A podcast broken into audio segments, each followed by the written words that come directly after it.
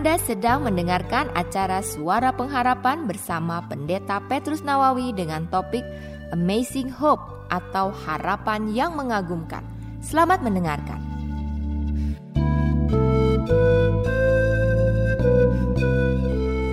Mari kita membaca Alkitab kita dari ulangan pasal yang ke-28. Dan kita membaca ulangan pasal yang ke-28 mulai ayat yang ke-9. Saya akan bacakan untuk saudara. Tuhan akan menetapkan engkau sebagai umatnya yang kudus. Seperti yang dijanjikannya dengan sumpah kepadamu. Jika engkau berpegang pada perintah Tuhan Allahmu, dan hidup menurut jalan yang ditunjukkannya. Maka segala bangsa di bumi akan melihat bahwa nama Tuhan telah disebut atasmu, dan mereka akan takut kepadamu. Juga Tuhan akan melimpahi engkau dengan kebaikan dalam buah kandunganmu, dalam hasil ternakmu, dalam hasil bumimu, di tanah yang dijanjikan Tuhan, dengan sumpah kepada nenek moyangmu untuk memberikannya kepadamu. Tuhan akan membuka bagimu perbendaharaannya yang melimpah, yakni langit untuk memberi hujan bagi tanahmu pada masanya, dan memberkati segala pekerjaanmu, sehingga engkau memberi pinjaman kepada banyak bangsa, tetapi engkau sendiri tidak meminta pinjaman Tuhan akan mengangkat engkau menjadi kepala dan bukan menjadi ekor. Engkau akan tetap naik dan bukan turun apabila engkau mendengarkan perintah Tuhan Allahmu yang ku sampaikan pada hari ini. Kau lakukan dengan setia. Dan apabila engkau tidak menyimpang ke kanan atau ke kiri dari segala perintah yang ku berikan kepadamu pada hari ini, dengan mengikuti Allah lain dan beribadah kepadanya. Saudara firman Tuhan memberitahu kepada kita tentang apa yang menjadi rencana Tuhan bagi hidup kita. Firman Tuhan memberitahu kepada kita tentang masa depan seperti apa, kehidupan seperti apa yang Tuhan rancangkan untuk saudara dan saya. Dan kalau kita membaca ayat firman Tuhan ini, maka kita tahu bahwa hidup yang Tuhan rancangkan, yang Tuhan rencanakan untuk saudara dan saya, adalah kehidupan yang luar biasa. Bagaimana tidak, saudara? Karena dikatakan bahwa hidup kita di dalam Tuhan, dikatakan hidup kita akan terus naik dan tidak turun. Hidup kita akan menjadi kepala dan bukan ekor. Dan dikatakan bahwa kita akan diberkati, kandungan diberkati, hasil ternak diberkati, sehingga kita tidak pernah meminjam uang. Tapi bahkan memberikan pinjaman, artinya memiliki kelimpahan, kekayaan yang cukup dan berlebih di dalam hidup ini. Tapi Tuhan katakan syaratnya, yaitu kalau engkau mendengar firmanku, kata Tuhan, dan melakukannya tidak menyimpang ke kiri dan tidak menyimpang ke kanan di dalam hidup ini. Artinya tetap berjalan di dalam jalan Tuhan. Saudara, bukankah hidup di dalam Tuhan seperti yang Tuhan rencanakan adalah hidup yang terbaik yang bisa diinginkan oleh seseorang di dalam hidup ini? Bukankah kita semua menginginkan kehidupan yang tidak biasa-biasa saja, tapi kehidupan yang luar biasa? Sehingga kalau di dalam hidup kita apa saja yang kita kerjakan diberkati. Apa saja yang kita lakukan hidup kita terus naik tidak pernah turun. Karir yang kita rintis biarpun dimulai dari sangat kecil, dimulai dari sangat sederhana, tapi terus naik tidak pernah turun. Saudara kehidupan seperti itulah yang Tuhan rencanakan dalam hidup kita, yaitu hidup yang luar biasa bukan hidup yang biasa-biasa saja. Ada satu perkataan terkenal yang ditulis oleh seorang penulis buku yang juga terkenal, yang menuliskan buku dengan judul Good to Great, yaitu dari baik menjadi luar biasa. Saudara di dalam buku itu pembukaannya ada satu kata yang kemudian menjadi kata terkenal yang identik dengan penulis buku ini yaitu Jim Collins.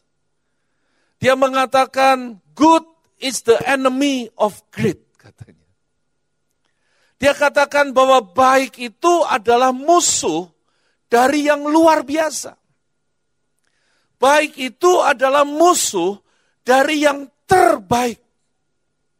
Tahukah saudara bahwa hal yang baik itu telah menjadi kuburan? Hal yang baik itu telah menjadi kematian. Bagi apa? Bagi hal yang luar biasa. Saudara banyak orang hidupnya sekalipun sudah dirancang Tuhan demikian luar biasa, hidupnya biasa-biasa saja. Hidupnya tidak jadi luar biasa. Ada banyak perusahaan ada banyak usaha yang di dalam perjalanannya biasa-biasa saja. Tapi ada usaha, ada perusahaan yang di dalam perjalanannya dari biasa-biasa saja menjadi luar biasa. Saudara dalam hidup kita juga seperti itu. Kita punya kehidupan yang sama, yang bisa kita jalani setiap hari dalam waktu yang sama tapi bisa punya kualitas yang tidak sama. Yang satu bisa biasa-biasa saja, dan yang satu bisa luar biasa. Seperti yang firman Tuhan janjikan. Terus naik, gak pernah turun. Jadi kepala dan tidak pernah jadi ekor. Sama seperti Yusuf. Dikatakan apa saja yang dipegang oleh Yusuf, dibuat oleh Tuhan berhasil. Dia tidak pernah jadi ekor, jadi kepala.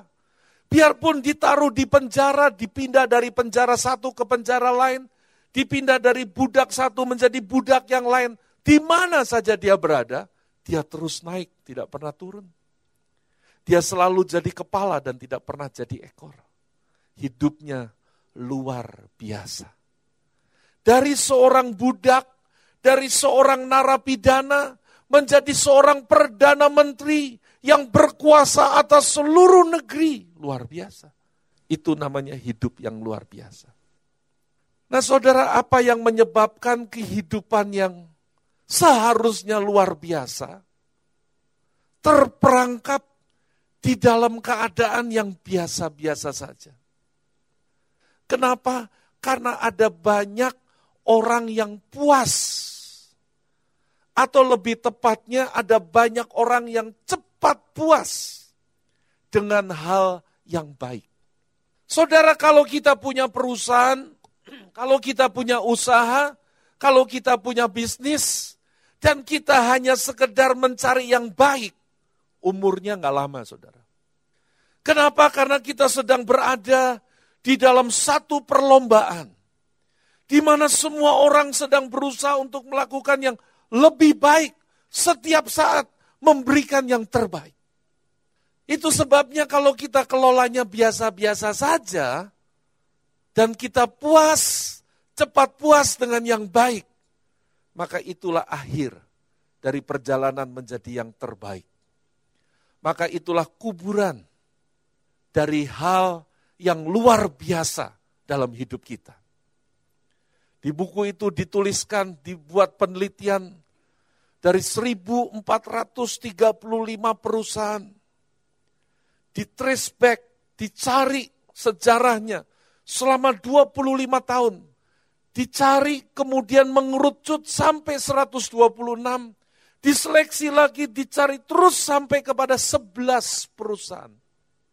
Perusahaan yang tadinya kecil-kecil saja.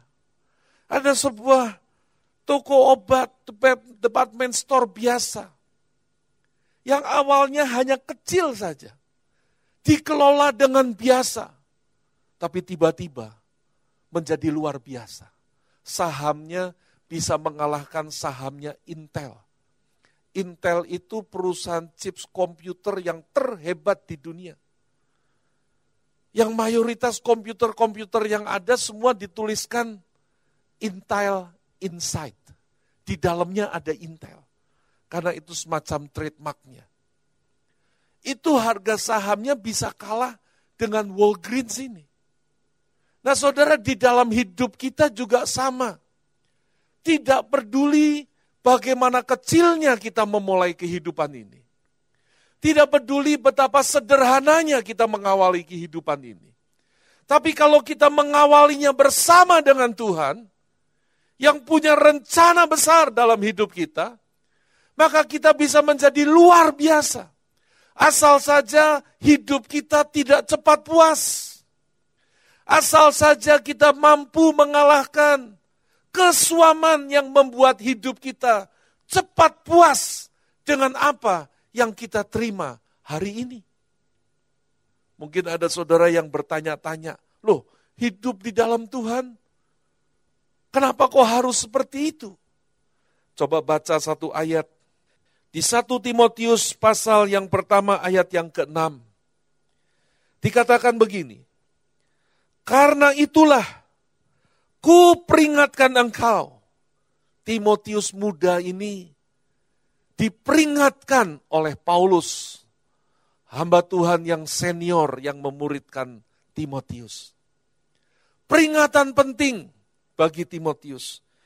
Dikatakan karena itulah ku peringatkan engkau untuk mengobarkan karunia Allah yang ada padamu oleh penumpangan tanganku atasmu. Artinya saudara sekalipun sudah terima karunia Tuhan, sekalipun sudah mendapat anugerah Tuhan, sekalipun ada karunia yang begitu hebat yang diberikan kepada Timotius muda ini. Apa yang dikatakan, diperingatkan oleh Paulus. Yang diperingatkan oleh Paulus dia katakan, aku peringatkan supaya engkau terus mengobarkan karunia Allah yang ada padamu. Saudara menerima karunia itu satu hal. Menerima anugerah itu satu hal. Menerima berkat dari Tuhan itu satu hal. Dan kita menerimanya sebagai pemberian, sebagai gift, sebagai anugerah. Tapi mengobarkannya. Membuatnya itu menjadi luar biasa di dalam hidup kita. Itu bagian kita. Dengan kata lain, Paulus ingin mengingatkan kepada Timotius muda ini untuk jangan puas dengan menerima karunia yang hebat. Jangan puas dengan menerima berkat yang besar seperti ini. Engkau harus mengobarkannya terus-menerus. Nah, saudara, bagaimana supaya kita bisa menjadi orang yang luar biasa, tidak sekedar biasa? Tidak sekedar puas dengan baik atau bahkan terperangkap di dalam kematian karena hal yang baik. Sama seperti yang dikatakan oleh Jim Collins. Good is the enemy of great. Untuk hidup kita luar biasa, kita perlu melihat kepada firman Tuhan kembali dan memperhatikan dengan sungguh-sungguh apa yang dinasehatkan oleh Paulus ini terhadap Timotius muda. Apa yang bisa kita pelajari di sini? Yang bisa kita pelajari di sini yang pertama, setiap orang harus bertanggung jawab untuk kemajuan dirinya sendiri. Sekalipun kita punya hal banyak, kita punya berkat besar, kita punya kelebihan, atau kita tidak punya kelebihan, tapi kemajuan itu merupakan sesuatu yang harus diupayakan setiap hari dalam hidup kita. Ada orang yang oleh orang tuanya diwariskan pabrik. Orang tuanya dulu nggak punya apa-apa. Dari nol, kerja kasar, sampai punya pabrik. Diwariskan kepada anaknya. Itu hal besar.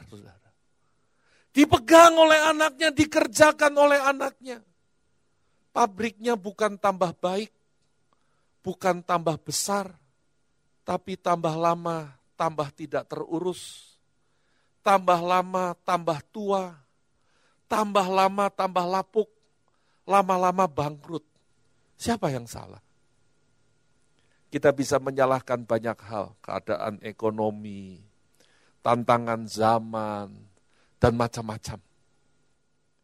Tapi ada orang yang tidak pernah diwariskan apa-apa. Memulai dari nol, zero, nggak punya apa-apa.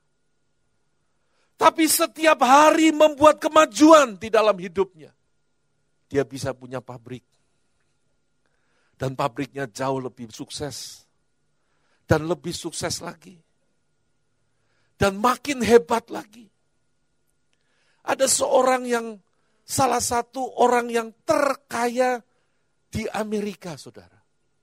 Orang ini namanya adalah Henry Person Crowell. Dia memiliki sebuah usaha yang dirintisnya sejak dia masih muda. Karena itu diwariskan oleh orang tuanya. Namanya Quaker Oats. Waktu dia menerima warisan orang tuanya, oh itu warisan yang begitu besar. Tapi waktu dia menyelesaikan dan meninggalkan, perusahaan itu jauh lebih besar lagi. Dan yang lebih hebatnya, 75 tahun. Dia meninggal sekitar tahun 20-an, saudara. 40 tahun sebelum dia meninggal, dia menyerahkan 70 persen dari keuntungan perusahaannya untuk pelayanan pekerjaan Tuhan. Sebelum dia meninggal, dia membuat yayasan.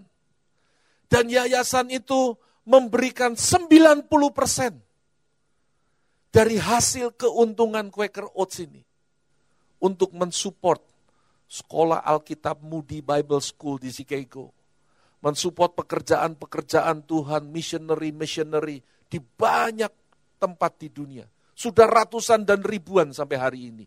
Dan itu sudah berlangsung 75 tahun sampai sekarang. Dan perusahaannya tidak bertambah kecil. Tapi perusahaannya bertambah besar menjadi monopoli menjual Quaker Oats, menjual oatmeal. Bukan hanya satu sekarang. Sekarang berkembang menjadi usaha-usaha yang lain. Dimulai dari hanya sekedar flour mills biasa. Sekedar menjual Quaker Oats biasa sederhana, diwariskan orang tuanya. Sekarang jadi kelas dunia, memberkati pekerjaan Tuhan. Orangnya sudah meninggal, saudara usahanya nggak bangkrut.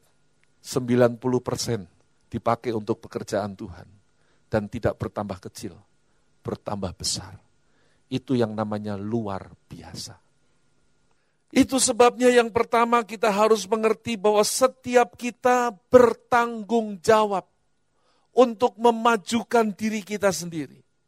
Yaitu tanggung jawab untuk mengerjakan, untuk mengobarkan, apa yang ada pada diri kita. Dengan kata lain, diri kita hari ini harus lebih baik dari kemarin. Dan besok harus menjadi lebih baik dari hari ini. Saudara itu tanggung jawab kita. Membuat hidup ini tambah hari, bukan tambah merosot, tapi tambah hari hidup kita itu tambah bermakna. Itu adalah tanggung jawab kita. Kita yang bertanggung jawab. Sama seperti kepada Timotius, Paulus mengatakan, aku peringatkan kepadamu. Kobarkan karunia Allah yang sudah diberikan kepadamu melalui penumpangan tangan. Diberikannya hanya ditumpang tangan dapat. Nggak perlu usaha apa-apa. Saudara ada banyak hal baik dalam hidup kita yang kita dapatkan cuma-cuma dari Tuhan. Tapi untuk membuat jadi luar biasa diperlukan upaya, diperlukan usaha, harus bertanggung jawab. Bertanggung jawab untuk apa? Bertanggung jawab mengerjakan apa yang diberikan kepada kita sampai selesai. Bertanggung jawab mengerjakan apa yang dikerjakan yang harus kita kerjakan dengan maksimal. Banyak orang mengerjakan, dikerjakan, tapi mengerjakannya asal-asalan asal jadi, asal selesai. Syukur kalau selesai. Kadang-kadang nggak selesai.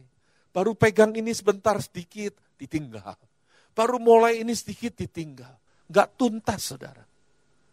Kalau Tuhan mempercayakan kepada kita, bertanggung jawablah. Bertanggung jawab memajukan apa yang Tuhan percayakan.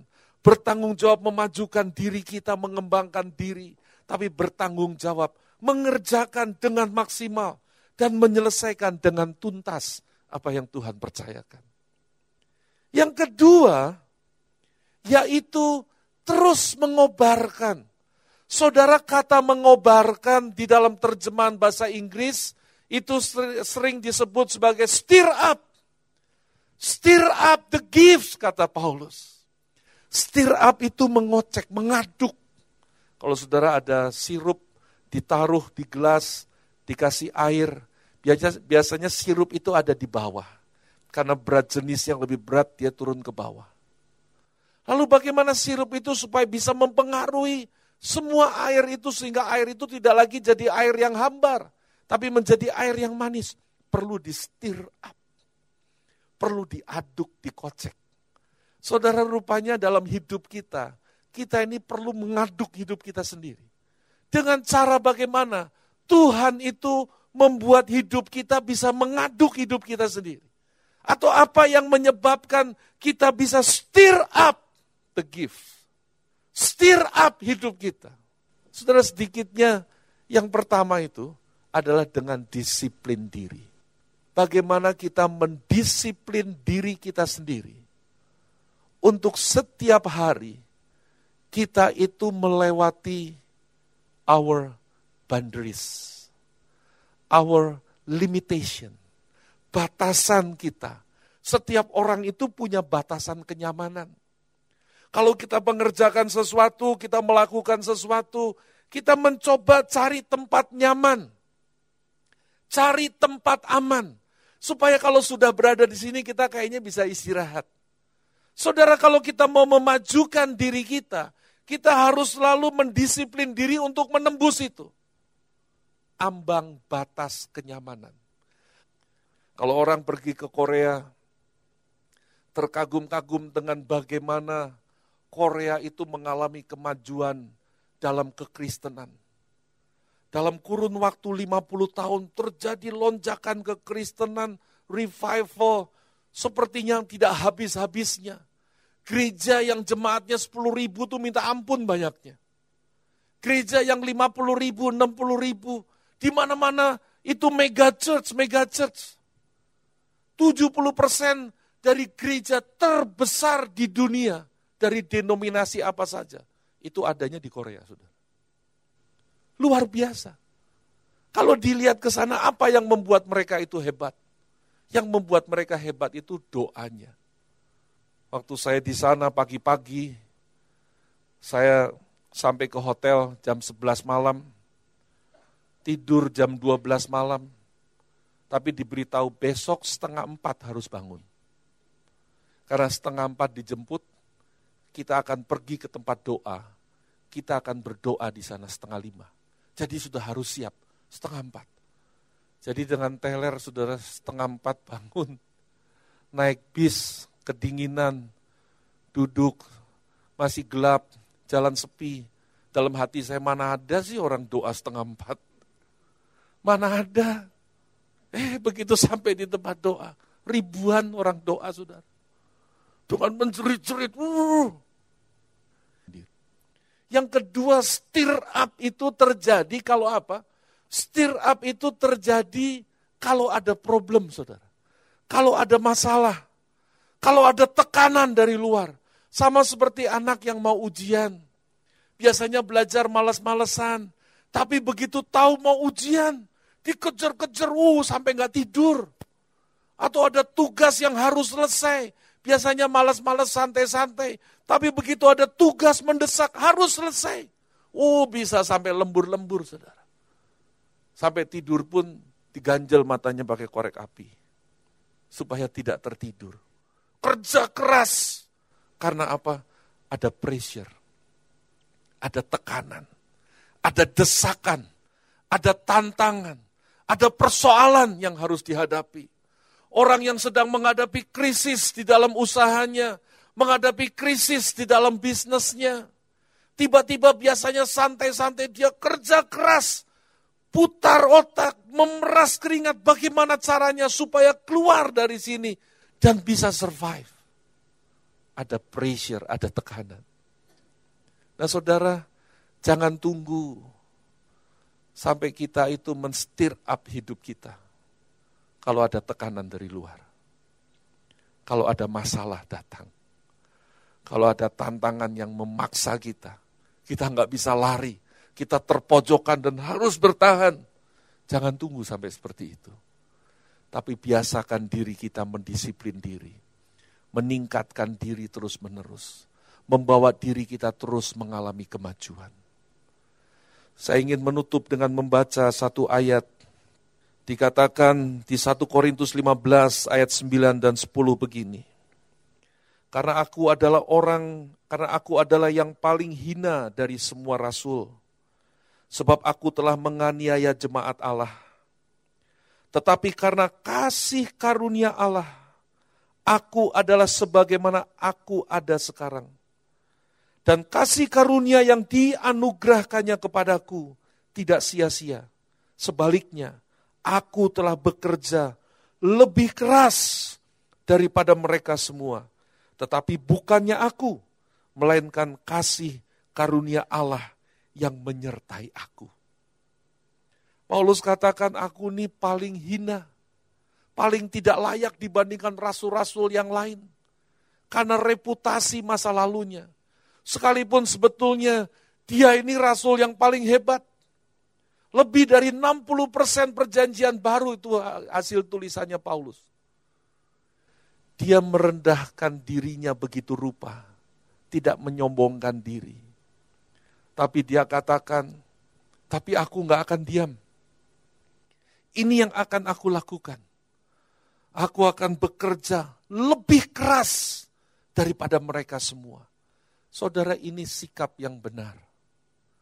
Sikap yang benar di dalam kita menyikapi apa yang Tuhan percayakan dalam hidup kita. Menyikapinya dengan kerendahan hati. Kerendahan hati yang sejati itu bukan kerendahan hati yang pasif. Kerendahan hati yang sejati adalah kerendahan hati yang aktif untuk bekerja lebih keras lagi. Inilah yang namanya sikap yang menghargai anugerah Tuhan dalam hidup kita. Inilah sikap yang menghargai berkat Tuhan yang dicurahkan di dalam hidup kita. Kalau kita menerima berkat, mendapatkan berkat, menerima semua kemudahan, menerima semua mujizat pertolongan Tuhan, apa yang menjadi sikap kita?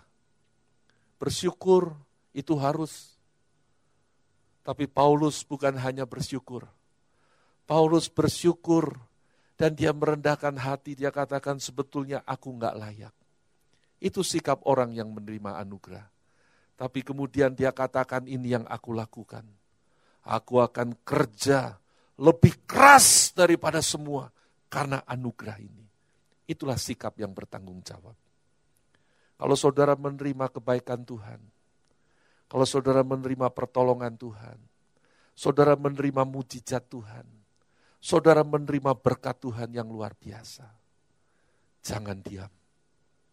Dan jangan berbangga katakan ini karena aku, hidupku lebih benar sih dari orang lain. Orang lain gak diberkati seperti aku karena hidupnya gak benar. Enggak, saudara. Kita gak layak mengatakan seperti itu kita menerimanya dengan ucapan syukur menyadari anugerah Tuhan yang memungkinkan aku menerima ini. Tapi tidak tinggal diam. Bertanggung jawab, melipat gandakan, dan bekerja lebih keras lagi. Membuat itu lebih berhasil untuk kemuliaan bagi Tuhan.